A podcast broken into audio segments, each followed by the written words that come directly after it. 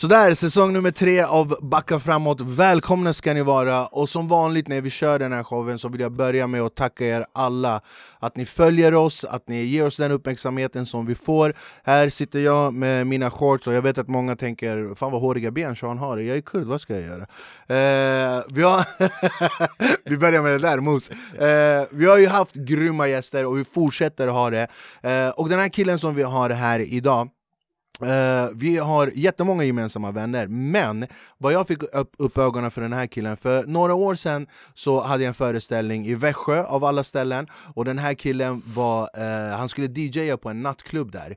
Uh, och i vanliga fall när man går till en nattklubb då är det lite dricka, man hälsar på folk och man hej hej.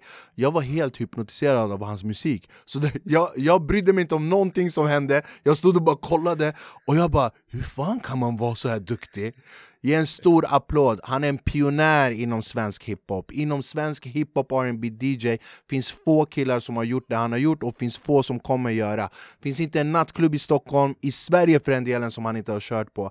Han är en bästa representant för svensk hiphop, hiphop överhuvudtaget, R&B överhuvudtaget. Ge en stor applåd till min bror DJ Moose. DJ Black Moose, välkommen min bror! Tack så Vilken mycket. presentation! Ja. Det var någonting i mig bara, så bra är han inte Sean Välkommen Black Moose! Tack Fan vad mycket. roligt att du är här man. Tack för att jag fick komma Vilken bror. presentation! Eh? Ja, det, det, jag har aldrig haft en sån presentation, helt ärligt. Fan du ska vara välkommen, eh, vi har ju planerat att ha dig här ett par gånger men fan du, det har varit eh, coronatider, Mm. du, jag vet att du var i England och, och hälsade på eh, eh, eh, din flickvän och, Min och fru. Din fru är Mm. det, förlåt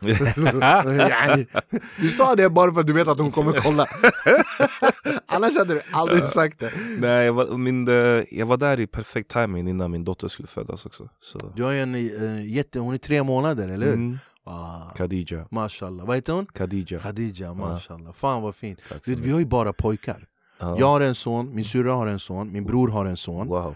Min eh, kusin, tre söner, min andra kusin fick sin andra son Bror, min morbror, tre söner, två barnbarn, också pojkar wow. Det är kaos Så när vi ser en så här liten tjej, vi bara ja vi vill också ja. Ja, för samtidigt... Du sa nyss innan vi började, du bara jag har fått en dotter, jag ska fixa en kalasjnikov Ja, jag måste. Två stycken minst. Bror som du ser ut, jag tycker synd om den pojken som dejtar din dotter alltså. Hon kommer aldrig få dejta. Det är så nej, det nej, finns nej, inte Nej, det finns inte. Hon får allt i livet. Mm. Och, men jag, jag vet också att du är en softie innerst inne jo. För jag känner ju din familj och Mm. jag känner ju folk du umgås med du är, Det finns ingen som jag har pratat med som har sagt ah, Fan Musa är, han är galen Alla har sagt så här Alltså han är en stor jävla teddybjörn. Med den skratten han har, med den energin han har. Alla har sagt att han är en av de snällaste människorna. Så jag vet att när din dotter börjar dejta, du kommer bara okej då. Det finns en svaghet där för mig, redan nu är jag helt svag, så fort hon gråter jag typ, förstår du? Det. Min fina bror, vi pratar ju som sagt, för mig är du, när det gäller eh, hiphop och R&B som DJ, du är absolut en av de bästa Men jag tycker faktiskt att vi börjar lite grann från början Du är Mm. ju uppvuxen i Västerås vet Ja, jag stämmer bra. eh, Och eh, är, är du född i Västerås? Jag är född och uppvuxen i Västerås, Vallby heter området därifrån. Det fina området? Nej, Övre Västerås Nej den, den, har, den har sin unika sida på positivt sätt och negativt sätt. Okej, Men du, du är ursprungligen gambian, Gambian, precis eh, Och eh, uppvuxen i Västerås ja. Men eh, jag vet också att eh, just musik har ju inte varit Ja, första valet kanske fel, men musik har inte varit din prioritering i livet Nej inte direkt, alltså jag var dansare från början, alltså jag dansade jämt. Alltså inte att jag gick i danslektioner men så fort de satte på MC Hammer så skulle jag försöka breakdance och jag vad som helst. Och även spela trummor. Eh, det var mitt största intresse. Trummor. Dans och trummor, Dans och trummor. okej Men jag tänker lite, du, för du var ju väldigt, väldigt framgångsrik inom en viss sport Fotboll va? Fotboll Mm. Du var ju en av de mest eh, eh, lovande målvakterna som vi faktiskt haft i den Mm. generationen Mm. eh, Berätta lite grann, du spelade för Jag spel- Modersklubben var syrianska, de fostrade mig och eh, sen var det dags att ta steget vidare. Eh, jag var lite stökig, eller jag- inte lite, jag var väldigt stökig i Västerås. Så jag Du var en av de här tuffa grabbarna, eller hur? jag försökte. Jag försöker Ja. fortfarande, det går åt helvete. så de, eh, jag fick stipendium om att eh, gå i en fotbollsakademi eh, akademi och gymnasium i Bollnäs. Oh, Lilla Bollnäs, Hälsingland. Ja. Jag ville inte. Men samtidigt kände jag att jag hade ingen val. Det började med en lång historia kort. Jag blev ju felplacerad i skolan. Okej. Jag hade läs och skrivsvårigheter. Och, eh, och En typ av dyslexi, eller? precis, Ja. grov. Eh, det har jag tränat bort det mesta idag. Så de placerade mig i en särskola. Oj. Och tyvärr, du vet den, den generationen som jag är ifrån, jag är född 85, de jag gick med, de förstod inte riktigt att när man inte kunde, på, alltså samma, vad ska jag säga, jag kunde inte läsa lika bra som vissa andra i klassen, kunde inte skriva lika snyggt som vissa andra. Vad säger de? Han är CP, han är si och så, förstår Ja, du? Han är... Så jag blev lite så här utstött. Oj. Så, och jag sa det, du vet, jag Han är ville, osmart. det är det. Ja. och jag vägrade gå gymnasiesärskola i Västerås. För jag tyckte det var så pinsamt. Jag var inte ens med i klassfoton. För att jag skämdes så mycket av att gå en särskola. Alltså, du vet, de placerade mig fel. Eh, så jag fick möjlighet att gå en fotbollsgymnasium då i Bollnäs. Då fick jag ha teorin då med en särgymnasium. De grundämnena. Okej. Och fotbollen med det vanliga gymnasiet. Men jag sket i skolan helt totalt. Fan, Musa, vad, vad, vad gör det med en tonåring, alltså eh, barns självförtroende? Det där, Eller att kunna, du, du visste ju om att men fan, jag är inte dum, Nej. jag har bara svårt att läsa. det är det. Fan, jag vet vad jag tycker också? Att det inte finns lärare som kan upptäcka sånt. Bara, men fan, han är ju hur bra som helst, det är bara någon typ av dyslexi. Tyvärr, lärarna som jag hade, de orkade inte lägga tid eller energi på det där. Och, jag, och min frustration gick ut över att jag slogs och var högljudd. Ja, du måste ju ha någon typ av Det det. outlet för, för frustrationen. Absolut. Och de, Vad gör det med självförtroendet? bro, den var kaos. Ja. Den var kaos. Jag, det tog ett tag. Det, det som var min räddning det var att jag spelade fotboll och var duktig som målvakt. Och jag fick respekten för det och att jag var duktig när det kom till att spela trummor och allt möjligt inom musik. Jag var Sen var du på duktig två- att slåss också. Ja det. ja, ja. Så jag var tvungen, alltså, jag var tvungen, det kändes som att jag var tvungen att hävda mig och bevisa att jag var duktig på en grej Mm. för att få respekt från människor. Inte för att, okej men det här är Musa, en helt vanlig kille. Det är han Musa, målvakten. Det blev Mosa målvakten. Det är det. Men det är väl bättre att bli erkänd som Mosa målvakten än att bara, ja, men det är Mosa som, är, som inte kan läsa och skriva. liksom. Det är det. Hur, hur, kom du, hur kom du fram till att du faktiskt har dyslexi? Då? För att jag, jag har ju jag har ju så här babbe-dyslexi. ja, men det är så här, jag, jag, jag blandar upp en och ett, den och det. alla babbar gör det. Eh, men eh, jag har ju faktiskt vänner som jag växt upp med som har grov dyslexi. Som har svårt att... Jag, faktiskt, jag, jobbade upp med en kille, eller, jag jobbade upp med en kille som hade sifferdyslexi. Han kunde, inte se, han kunde inte se och komma ihåg siffror. För att om man typ gav han ett nummer, ja men 0735, då, Mm. han fick det och sen bara, han kunde inte se det, han kunde glömma bort det. Wow. Ja. När kom du fram att det var faktiskt en sjukdom du hade? Jag ska vara ärlig, när jag började, när jag började ettan Ja, du visste. Alltså, jag, jag kände redan då skolan kommer vara tuff för mig. Mm. När jag gick i lågstadiet, ettan. Du vet, det tog tid för mig. Jag tror jag kunde alfabetet kanske när jag gick i femman. Mm. Skolan var jättetufft för mig. Alltså, jag fick inte den hjälpen jag behövde. Och idag när jag hjälper till i skolor, då ger jag dem det stödet. Och det, men det, det är pushet. Det Ser du hjälper. det direkt? Direkt. Ja, du gör det va? Direkt. Ja. Bara du sitter där och förklarar för dem, så här och så här är det. Även fast jag inte är 100% kunnig på det heller. Men man försöker förklara för bara du finns där, att de har rygg och de, självförtroendet höjs och då fixar de det. Ja. Hade jag fått det stödet, jag hade inte varit DJ idag, jag lovar. Tro mig. Ja. Jag förstår Det det. hade funnits så mycket annat. Alltså, nej, ska, jag ska vara helt ärlig, livet kändes hopplöst. Och jag hade ingenting annat i mitt huvud sen barn än att bara lyckas med fotbollen. Det var det enda, det fanns inget annat. Hur kändes det sen? Du, du spelade Syrianska, Mm. eh, Hammarby, Mm. eh, och sen var det korsband, Korsbandet av, va? korsbandet. Hur, hur var den, hur var den liksom, eh, eh, när du fick besked att bara, men fan, du kommer inte kunna spela? de, läkaren sa till mig, du kommer kunna spela och köra rehab men en, ja, du får köra ordentligt med rehab. Jag kom tillbaka, lirade i division 2. Det var inte samma rörelse. Ja, du kände kroppen jag kände klar. det, Ja. kroppen klarade inte av. Jag gick alltid och kände efter. Än idag när, jag har, eh, när det är kallt ute så gör det ont i knät. Oj. Så illa var det och du vet Jag tänkte shit vad fan ska jag göra nu? Kände mig så misslyckad du vet, Jag har en syster, hon är chef i familjeläkarna i Bålsta Mm. Förstår du? Högutbildad, hon är smart, förstår du? Förstår du? det är det Så jag tänkte jag är tvungen att göra någonting för att göra min mamma och pappa stolt Bror jag känner igen dig. Min, min pappa han är så här, vi är tre syskon, det är jag och så en yngre syrra och en yngre bror. Båda är så här, jätteframgångsrika. Och min pappa han är så här, det här är min, det här är min dotter, Mm. hon jobbar här, hon är fin. Det här är min son, eh, han är- gör det här, det här är Sean. Jag vet inte varför. Jag vet, jag- för, för, honom, jag är så här adoptivbarnet som han inte ville ha. Alltså, jag bara, ja vad ska jag göra? Eh, Okej, men hur, hur var... Och då, då, du har ju alltid haft musiken med dans och, Mm. och, och med, med, med instrument och sådär. Och, och när eh, korsbandet gick av och när du inte kom, kunde, när du kände på fan, jag, jag kan inte göra det här som karriär.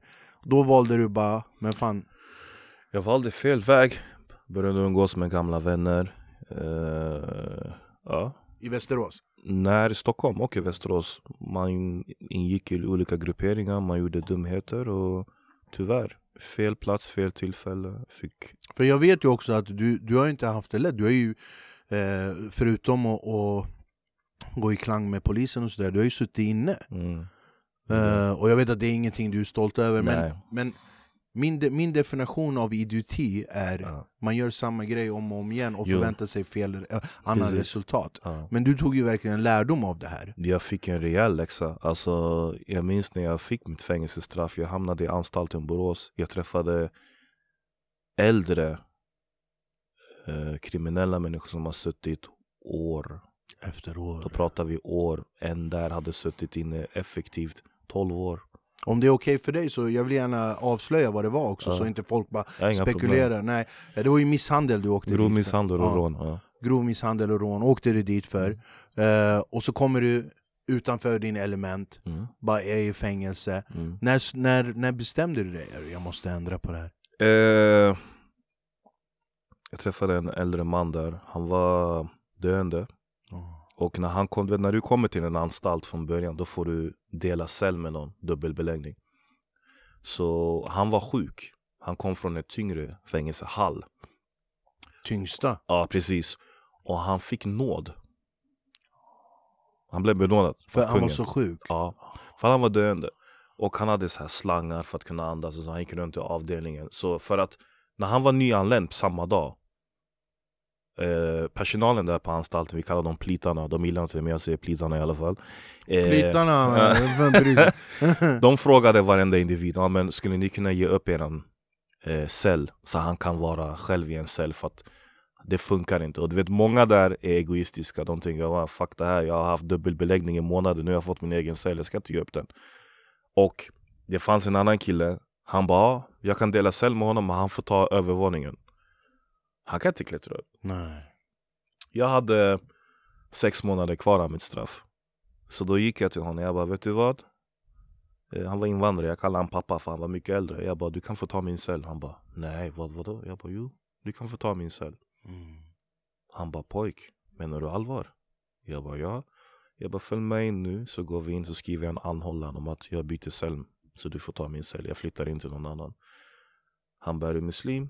Jag bara jag bara, du också? Han bara, ja. Han bara, kan du göra så här med dina händer? Jag bara, så bad han för mig.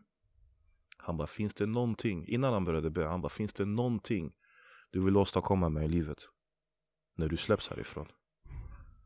Sa till honom, jag bara, ja. Eh, för då hade jag gjort ett mixtape där inne som jag satt och mixade ihop och så. Jag bara, jag har fotbollen har jag sjabblat bort. Det är borta. Nu vill jag satsa på musiken, jag kom back som DJ och producent. Och eh, det är det här jag vill göra. Och jag vill komma långt i det. Sen vill jag lämna de, vad ska jag säga, dåliga umgängeskretsen jag har haft runt omkring mig också. Så då bad han för mig. Han bara, om du har tålamod i livet och ja, du gör rätt för dig så kommer du få se framgång. Tro eller ej. Och varje gång jag berättar det här för någon så blir jag nästan tårögd. Alltså, förstår? Jag blir tårögd, jag svär jag ryser när du Så berättar. jag glömmer aldrig bort den här dagen. Sen det kom en dag då jag kom ut från fängelset. Jag, jag skulle mucka på morgonen, satte jag på mina privata kläder. Han bara, det är dags nu va? Jag bara, han bara, jag vill aldrig mer se det här, jag vill aldrig höra att du är här. Gå ut dit och gör. Samma sak med en annan kille som satt för mord, Claes Eriksson. Han är ute nu. Jättefin svensk. Eh, han bara, jag vill inte se det här Jallo. Du ska inte vara här. Gå ut dit nu, lev ditt liv. Så jag minns när jag kom ut. Det tog ett tag tills folk visste vem jag var. Men när jag blev nominerad första gången till King Size galan När jag vann det där priset, Årets DJ. Mm. Priset jag till honom. Ah. Jag vann tre år på raken. Så du vet, man blir påmind. Det är ju ingen som har gjort det. Nej. Ingen som har vunnit tre år Nej. på raken, årets DJ. För, för oss DJs är det stort. Ja men det är stort. Det är det. Vissa, vissa, vissa typ skrattat men ey, det är bara en pris från King Size. Och King Size, du vet, när jag kom ut från fängelset. Det var alltså om King Size sen skulle skriva DJ Black Moose på deras sida eller vad, det, alltså, det var som att en dröm gick i uppfyllelse. Mm. Var kom namnet ifrån? Black Moose. Ja, Black Från Moose. början, jag kallade mig själv DJ Black. Originellt, verkligen Förstår du? Ja. Jätteoriginellt. DJ det är som Black. jag ska kalla mig DJ Kurt. Det- Ja, DJ Black. Men jag heter ju Musa. Och sen barnsben så har de alltid kallat mig Mus. Jag minns att min barndomsvän eh, Nedim, han är syrian, jag är uppvuxen bland massa syrianer i Västerås. Så han har alltid kallat mig Mus sen vi var små. Men faktiskt, eh, när jag började min karriär, som gjorde comeback som DJ så sa Biram till mig, G Dixons storebror, han bara ey, Ken Ring behöver en DJ, vi ska till en spelning i Trondheim, Oslo.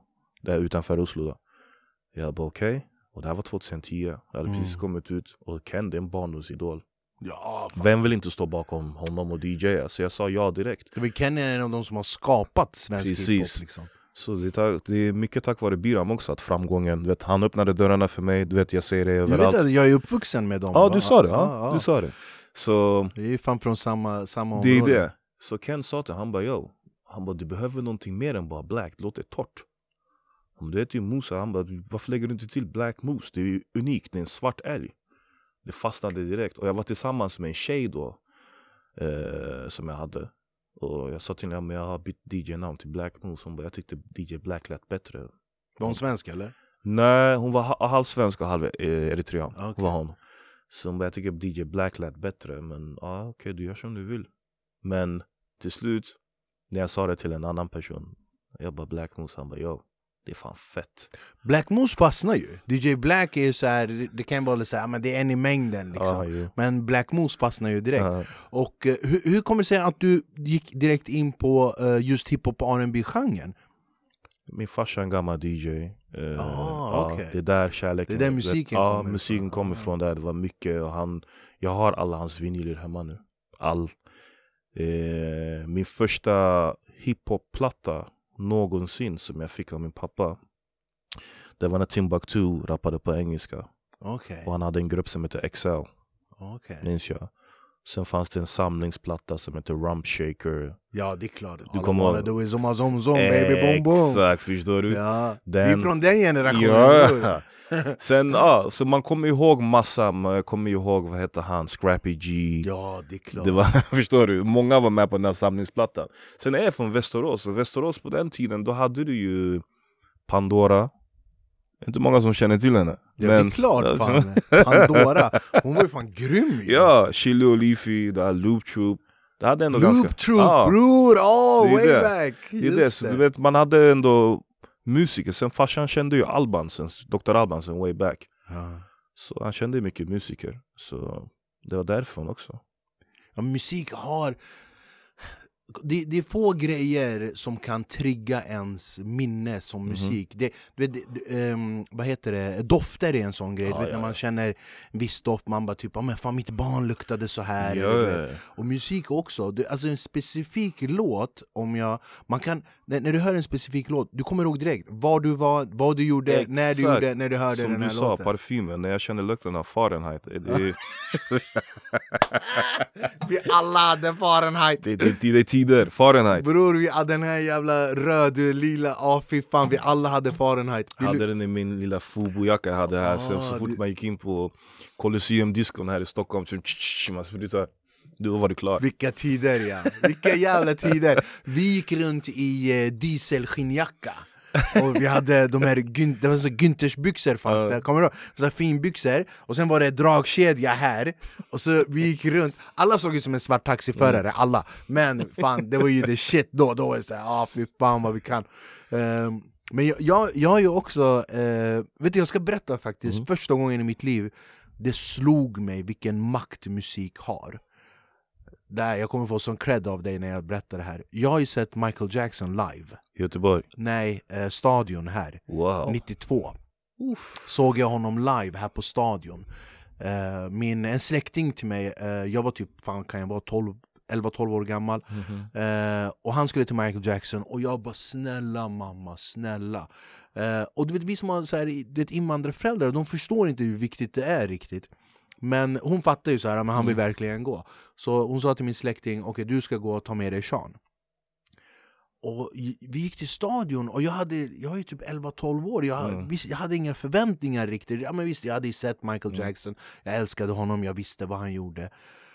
Men eh, då var det Chris Cross var innan honom, Ja. vet, och de här två unga Ja. killarna. Ja, exakt. De var innan honom och de fick igång hela publiken. Och sen var det dags för Michael Jackson Och det slog mig vilken, alltså hur musik kan påverka människor. Hur det kan bara beröra en. Absolut. Bror, folk svimma, folk Ja, skrek. Det var, Folk hade klätt ut sig till Michael Jackson, den röda thrillerjackan. Mm. Folk bara du vet, dansa.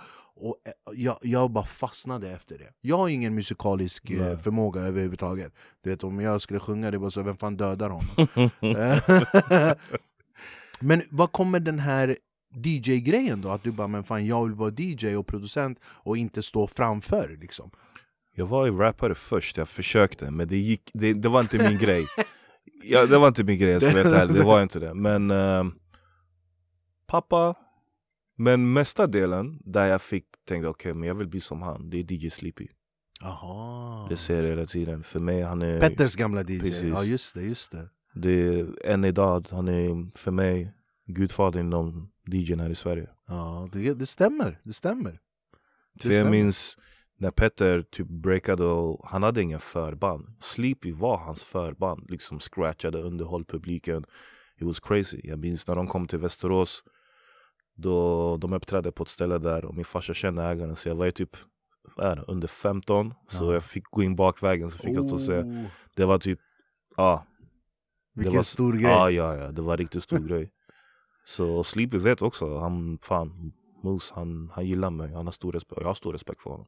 Det är synd på att han inte får den credden han förtjänar faktiskt eh, Sleepy, det är som du säger, alltså, han var ju verkligen eh, gudfader när det gäller svensk Ja, Speciellt ja. scratcha och... Allt. Han var duktig klubb-DJ också minns jag. Alltså, Mm. Han var jätteduktig. Så du vet, och tyvärr, DJs har aldrig fått den uppmärksamheten eh, som vi förtjänar. Inte, inte vinyl och...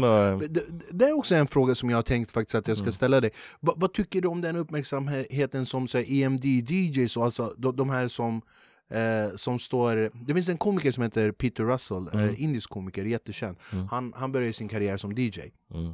Och han har ett jätteroligt skämt där Han bara hur kan du vara DJ när du står så här? Han bara, du måste använda, han bara, det går inte!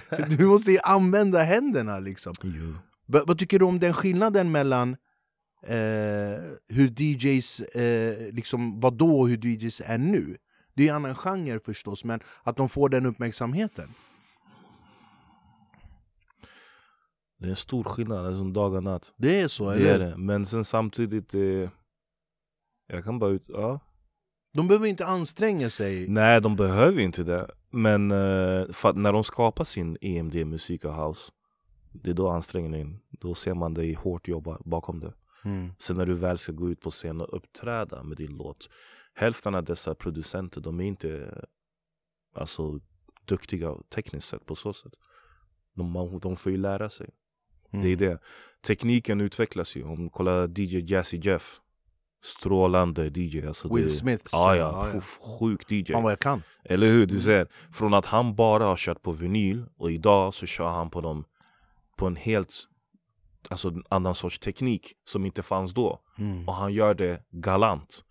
Det gäller att följa med utvecklingen. Men jag hör vad du säger. Men jag tycker själv att de som kommer upp som DJ så här har bara fått ett namn, bloggar och såna här saker. Jag tycker personligen att de borde också ta sin tid och lära sig och öva. Lära sig hantverket. Precis, det är det. Mm. Det är ju ett hantverk. Det är det. Det är, som, det. det är en konstform, det är ett hantverk. Det är som DJ, det är som DJ Solia säger, liksom, respektera hantverket. Så är det. Jag säger det alltid när det gäller stand Ja, ja, ja. Alltid. Hörru, respektera. Du vet, om någon person kommer fram till mig och bara Jag är också komiker. Man bara, "Ha, vad har du gjort? Ja, men jag har kört på en gratisklubb här tre gånger. Man bara, "Hörru, vet du vilken förolämpning det är? Att du ska säga till mig, jag är också...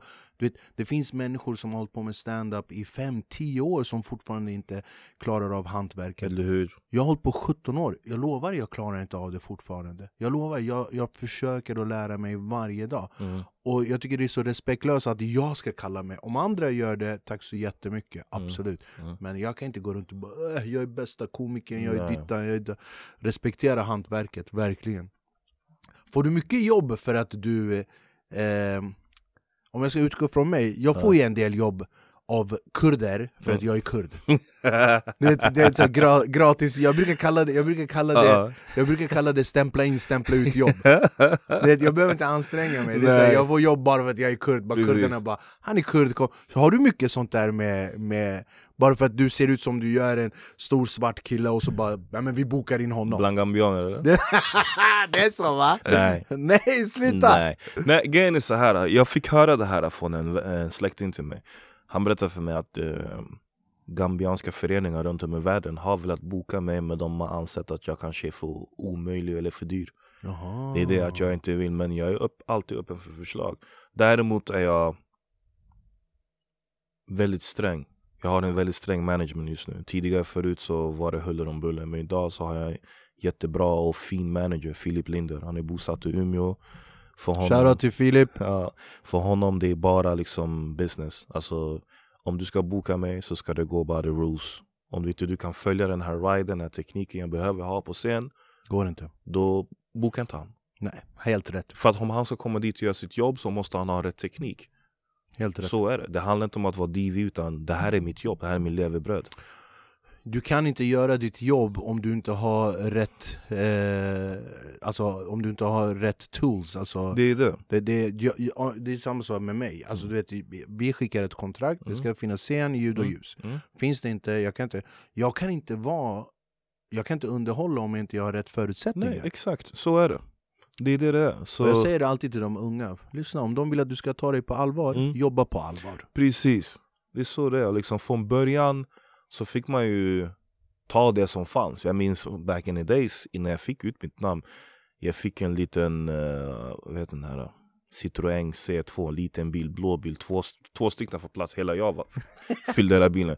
Jag åkte runt, tja, på riktigt, jag åkte runt i den bilen med en annan broder till mig, Biggie. Vi kunde åka från Stockholm till Kalmar, och dagen efter till Malmö. Och arrangören ville bara betala ett hotellrum. Jag och han, vi delade på ett rum. Tänkte jag fick kanske 2000 kronor svart. Mm. 1000 kronor ska jag och han äta för och chilla.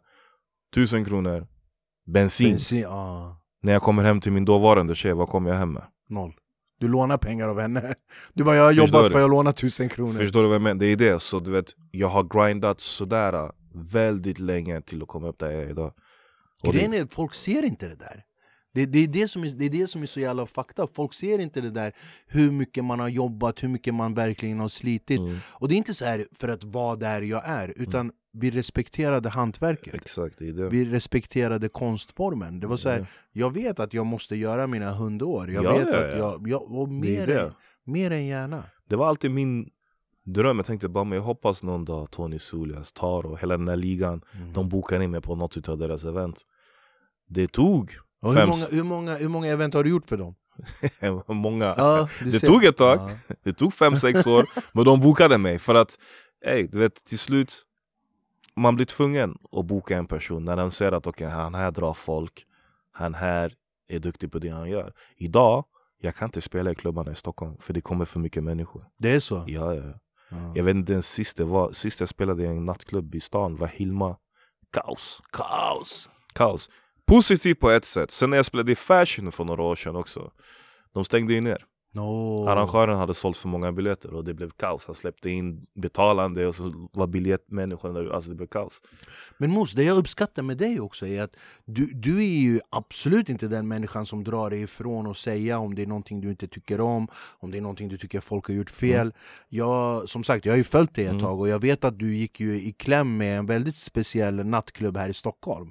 En av de mest kända nattklubbarna. Ja. För att just att, inte bara för att de inte bokar just dig, Mm. utan att de inte bokar den typen av musik. De bokade mig. De gjorde det? De, hör, de hörde av sig, de ville att jag skulle spela där. Efter att du kom ut på sociala medier? nej, eller? innan. Okej. De ville att jag skulle spela där. Vi pratar om Kaffe Opera, Ja, Rakan, jag skiter Opera. i De ville att jag skulle spela där eh, en fredag och en lördag. De fick min manager, han åkte hela vägen från Umeå för att eh, komma hit på ett möte med Café Opera. Vi skakade hand med dem, två datum. Vi gick ut till och med eh, marknadsföringen och allt det där. Eh, då... Vad hände? Vad hände? Det är standardgrejer. Du vet det är det här som jag alltid får höra från vissa krögare. Förstår du? Även vissa som driver spybar också. Vissa som driver studiokompaniet också. Jag skiter i det alltså. Du vet, Kör! du vet, vi säger så här. De gillar inte oss, mig och dig. Men de gillar att spela vår typ av musik. Jag gillar inte det här, ja, men vet du vad, jag vill inte ha hit en viss klientell. Det var som han sa till mig, han bara men jag vill inte ha hit orten. Okej, vad menar du? Nej men alltså jag vill inte ha hit så här Rinkeby, Tensta, folket. Han sa det rakt ut! Jag bara okej, jag bara, Vad gör du? jag bara vet du vad? Han bara, jag är från Västerås. Mm. Jag är från Västerås. Och gjorde det klart för honom och tydligt. Så jag bara, vet du vad? Så här är det. Om jag är främmande i en stad och jag lyckas dra människor från Tensta, Rinkeby, Hjulsta, Rissne, låt oss, hela Botkyrka, hela Stockholm. Vad betyder det? Mm. Att jag har Folk gillar vänner, du folk gör. gillar det jag gör. När de kommer dit, de uppskattar min konst, det jag gör, att jag spelar musik, de kan festa. Jag bara, det finns inte någon utav dessa förortsmänniskor från förorten, jag är själv från förorten, jag skäms inte för att säga det, jag är stolt. Det finns inte någon utav dessa människor som har fuckat upp en fest för mig. Jag bara, däremot så har jag spelat på Berns när det har varit andra evenemang där, då har jag stått och sett när polisen har gripit de fina människorna Järn är fina. mm, Det är de Så- som är fucked som up. tar den fina drogen ladd, Mm. Ecstasy, vad som helst. Men så fort du ser en invandrare som har en fin klocka, han är märkesklädd, då dömer ni honom direkt, Direkt. och säger att han är problem. Men ni klagar inte när han slösar 30 000 i baren. Vet du vad jag brukade göra i början av min karriär när jag, när jag exploderade Mm. mos? Typ jag brukade gå till de här nattklubbarna, Spybar, Caféet eller Sture och Då kom jag fram till dörren och de sa Åh, Sean är här, hej hur många är ni? Då brukade jag peka på varenda blatte som står i kön. Så jag brukade ta in så här 30-40 pers. Jag brukade bara han, hon, de där, de där. Det är det. och, ja, jag brukade, jag brukade Vet du vad, nu, vi pratade lite grann om, om Du sa, det var så fint sagt, du bara de, de eh, vill inte ha oss, Mm. men de vill jobba med oss Ja, ja. eh, Och så som värld, världen ser ut idag Mm. eh, och jag, jag, Du gjorde en jättefin, in, och vi kommer självklart lägga ut Instagram och, och eh, uppgifter till Mos här Du gjorde en jättefin inlägg på Instagram just om det här med Black Lives Matters grejen Ja, eh, vi, vi pratade ju om, om nu det här med, du sa ja, men jag har haft liksom problem med lagen, jag har suttit inne etc. etc. Eh, jag såg igår, det var, det var demonstrationer eh, eh, för ett tag sedan Mm. eh, Jag vet inte bror, ja. du vet, man har barn och grejer, man blir rädd ja. Man blir rädd. Wallah man blir rädd Man blir jätterädd. Man har barn och du vet, jag har en pojke, Kian Baba älskar dig Mm. Jag har en pojke på åtta, han fyller nio Jag blir bara så här, vad fan är vi på väg? Det, världen har blivit värre och värre. Alltså tyvärr, det, när min pappa säger till mig att världen är på väg att gå under. Mm. Jag brukar inte tveka på hans ord. Och det är sant. Här i Sverige så är de väldigt fega. Vi, alltså de, kan inte riktigt, de, de vågar inte säga rakt ut att de är rasister. Mm. De är väldigt, när jag var yngre, ja. Ja din tid också. jag, Massa jag, skinnskallar ni sprang efter. Oh, bror, jag har fan här, de har kuttat mig här eh, Jag kan till och med respektera en rasist Mm. Bara Jag säger det, jag kan göra det Om Ja. du säger till mig rakt ut Mm. Hörru, jag gillar inte dig Mm. Jag gillar inte dig, jag gillar inte vem du är, var du kommer ifrån och Jag vet vad jag har dig Ja, ja. Amma, du har en kille som bara Fan Mos, du är så duktig, du vänder Han bara är, du vet Ja, ja. Alltså det finns väl. Det var i Kiruna också. Det är nattklubbsägaren där. Han hade ingen riktig backstage. Så jag fick använda hans eh, kontor som backstage. Kommer in dit. Så den här stora affisch då där på Jimmy Åkesson. Nej Jag svär. Så har han en så här, pilbågs... Eh, som man kastar pilbågar. Dart, darttavla exakt. ja. Den, I mitten av den så är det en bild på Stefan Löfven. Jag kommer in, han kommer. Jag, Oj, jag bara, vad är det här? Han bara, vadå? Jag bara så Han bara, men vadå? Alla har väl rätt att ha sina åsikter och, Han bara, det här är Kiruna och ty- tycka vad de vill Jag bara, men om du inte gillar invandrare eller svarta, varför bokar du?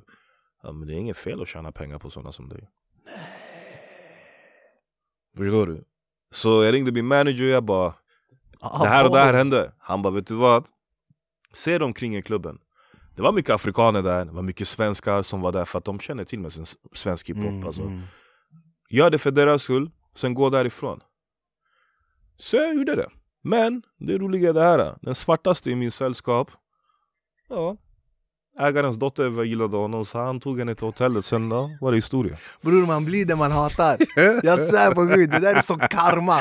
Det är som karma. Jag svär, vet du att jag har haft det här i min show för många år sedan. Jag bara du blir det du hatar. Mhm. Du gillar inte svarta, din dotter Mm. kommer gifta sig med en svart. Eh, Du gillar inte, eh, du gillar inte iranier, du kommer gå och gifta dig med en iranier som Exakt. jag gjorde.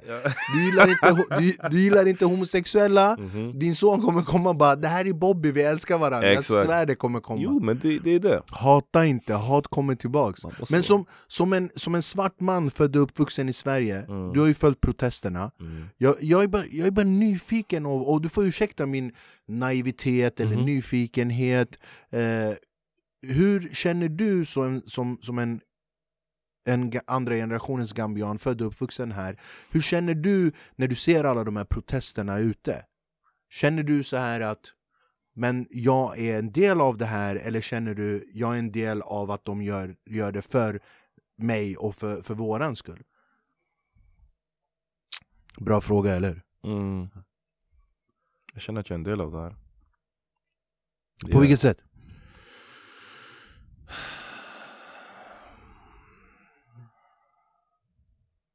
Jag vet inte, alltså det är svårt att uttrycka sig, man är så arg. Det är så man är så arg. Ja.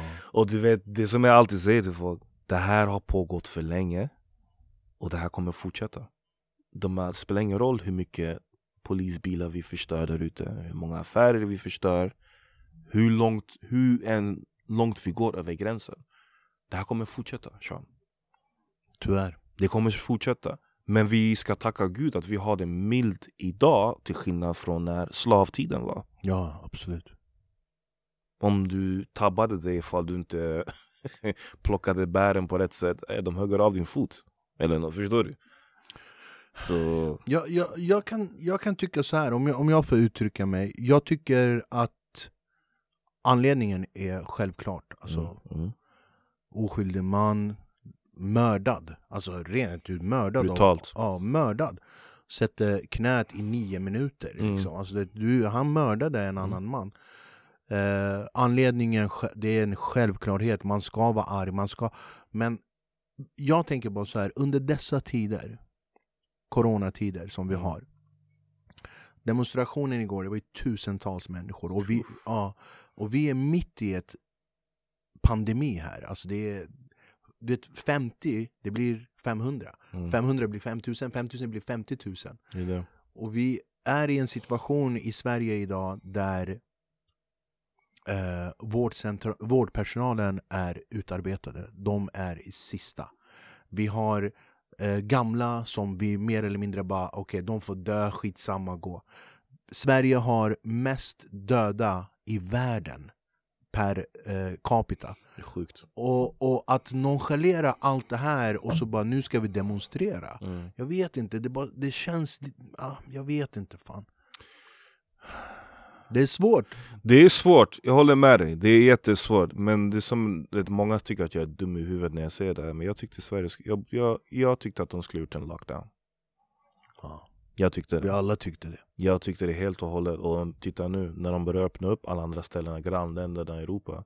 Vi är inte välkomna dit. Nej. vet du, jag kan känna så här. Eh, jag, jag vet hur det känns. Vi är inte välkomna dit. Och du vet, det var en annan kille till mig, eh, en kollega, han är svensk. Han bara, men vad fan, det här är fan diskriminering. Jag bara, welcome to my world. Välkommen bror! Välkommen! Ja, jag, just, just under, jag är bara så rädd att när, eh, när det här är liksom när det här demonstrationen och allting Mm. har lugnat ner sig att corona kommer bara pika i Stockholm. Det Att- kommer den göra. Du tror det? Ja, hundra procent. Mm. Det kommer den göra. De, folk har inte varit försiktiga här. Alltså, de, de har ju haft öppen på krogarna. Ja, Bror, jag sa det, men, det här bakom oss, du har ju Nytorget här. Mm. Bror, sol Mm. och, och sommar, gå, det är fullt. Ja, Det är, fullt. Svennar, bror, svennar kan få aids, de sätter sig ute i serveringen Ja, och tar ja, en öl. de skiter i det. De, De skiter de bara, jag har en filt, det här går bra. Nej men alltså du vet, det är när folk säger ah, men de som går i lågstad, de har föräldrar som jobbar i vården. Jag bara, men vet du vad? Vi betalar skatt i Sverige. mm. Vi har råd att stänga ner minst två månader. Och, och vilken jävla skatt vi betalar. Vi betalar mest i hela världen. Vi betalar mest i hela världen med tanke på hur mycket skatt vi har betalat och vi betalar Fan, eh, de borde stänga ner och ge alla eh, permitteringar och pengar och bara fan stanna, jag har det, jag har det, jag Det är det. stanna hemma De har sagt att de ska hjälpa musiker, men jag har inte sett ett skit. Jag. De ska- Kulturmänniskor, jag ska, ah, bror. Jag står fortfarande så här. Här, här är jag här Men jag ska, jag ska, man ska ändå vara tacksam. Du vet, eh, vissa bokningsbolag har ändå löst online-spelningar. Mm. Folk swishar in och sådana saker som har fått en symbolisk summa. Så det finns vissa artister som har fått den möjligheten att göra det. Men det jag inte förstår, du får ha en bar öppen där, de, där det finns en DJ och det får max vara 50 pers. Va, Vad är grejen då? Men det är ju som de här demonstrationerna, du får inte... Vi, vi, som sagt, jag skulle vara ute på turné nu egentligen Mhm. Du får inte vara mer än 50 pers Men på en demonstration så är det flera tusen människor Det det. och, och det är minst lika farligt Mm. Och jag har all respekt för just det här med corona Jag tycker alla ska göra sin del Jag tycker att alla ska bidra Jag Mm. tycker att alla ska ta de åtgärderna som regeringen säger att vi ska ta eh, Men det, det, de var ju 500 först Sen gick ju de ner till 50 Du skulle höra min manager när han ringde. Han bara det är 50 nu! Han var helt förstörd. Men det, det är inte 50 i publiken, det är som du säger. Ja, men En DJ går upp, det ska vara 50 Men det är inte 50 i publiken. Nej. Det är du, det är personal, det är ljud, ljusmänniskor. Ska du ha 20 pers som står och kollar på dig? Så är det. Uh, fan, det är svåra tider, jag lovar man blir rädd alltså. Vi som har barn, man blir fan rädd Men jag, jag blir jätterädd. Alltså, jag har inte åkt till Göteborg än och träffat min son heller. Liksom, Mm. Jag har tänkt för hans mamma bara, men du är bosatt i Stockholm, du vet det är folk inte försiktiga. Jag har förståelse. Ja, jag förstår också Och den här pandemin, den kommer inte försvinna. Den, den, den Nej, vi får se. Vi får se. Det var en kines, han bara och så hela världen Du ser. Det, det, är kaos, bara en liten, ja. liten, liten grej Ja, kan men göra det nu, vi får se. Alltså, nu, och sen vill de dra igång fotbollen nu också, utan publik. mm. Så, Ja, Alltså på, det tycker jag är bra för att liksom, då kan man kanske dra in lite pengar med tv-sändningar Mm. och, och lite sånt där. Man ska, man ska självklart bidra. Det, det jag tycker är, är positivt, eh, jättepositivt om vi pratar om corona eller om vi pratar med Black Lives Matter demonstrationer och sånt där. Jag tycker det positiva är att det ger oss en chans mm, att visa vad för typ av människor och Absolut. samhälle vi är. absolut. Det, det, det är det absolut, absolut bästa när en sån här stor grej händer. Och bara, okay, vilka tar ansvar? Vad kan vi göra? Vad kan vi... Jag, speciellt nu corona, jag tycker att invånare har tagit sitt ansvar. Mer eller mindre gärning. Mm. Men regeringen, det, Var är Löfven? När var det sist du hörde honom? Jag vet inte vad jag ska säga. Du vet, jag har en vän till mig som är aktiv inom eh, deras parti. Han blir arg när jag skriver någonting på nätet. Jag bara, men helt ärligt. Varför har ni inte gjort en lockdown? Han bara, Ja. vi måste tänka på vården. Jag bara, okej. Va? Det, ja, det är bara det enda han säger. Så jag vet inte vad jag ska säga. Ja men, Jag, vet, jag har aldrig varit den som var politiskt insatt. Jag har, Jo det är du Mos. ah, nej. Nej inte, inte insatt, insatt utåt men du har bra koll. Jo, jag har koll, det har Ja. jag. Men du vet, jag brukar, jag brukar alltid gå ut på sociala medier och kommentera det här och det här. Men just för den här, hur de har skött det här äh, gällande coronan. Jag tycker de har skött det uselt. Och sen, det går inte, du vet, de kan inte komma nej vi har skött det här bra. Eh, nej, för att vi har mest döda per capita i hela världen. Vi har företag som går i konkurs. Vi har småföretagare som skriker och ber om hjälp. Allt ifrån restauranger, eh, frisörer, invandrardominerade eh, eh, Ja, ja. Jag har en vän till mig som har pizzeria Sean, och han funderar på att stänga ner. Jag bara varför? Han börjar prata med hyresvärden, han vill inte gå ner i hyra. Ja, du ser. Du säljer inte lika mycket. Du drar inte in lika mycket. Men du som hyresvärd kan inte se liksom, hej, det är hela världen står stilla. Men vad ska du göra om han går i konkurs? Han går, vem ska du, vem ska du ge lokalen till? Den ska Det är stå det. tom. Restauranger också, de bara nej men vi ska inte ha barservering, vi ska ha bordsservering. Fan, Om jag ska servera fram till borden, jag behöver en, två extra personal. Tack så mycket. Hur ska jag kunna betala dem när jag inte har den eh, omsättningen som det jag har? det. Så jag vet inte hur de har tänkt sig men ja. Vet du bror, sådana här tider det är bra vi har musik. Vi kan koppla in, koppla bort. Det är sant, du, det, det är bra tid för oss att kunna skapa magi i studion och jobba så hårt som bara den. Ah. Men det sorgliga är när man väl sitter på en hit och har gjort en hit Du kan inte uppträda med det, du kan, det är inte på samma sätt Och streaming, tyvärr så har streamingprocenten också gått ner Ja, det blir ju fan så. Men du har ju, du har ju haft så många som du har jobbat med, som du jobbar med. Eh, jag vet att eh, du har turnerat med Einar ett tag nu. Mm. Vi har försökt få, få hit honom. Skitstroppig Einar, vad händer? Var är du någonstans? Eh, Men han är, ju, han är ju talang. Jätte, Ja, han, är, han är ju fan talang. grym Eh, han har ju också haft sina lite små grejer här och där, men han är, Mm. han är ju fan talang ja, verkligen. jo. Eh, men vad är nästa steg för dig då?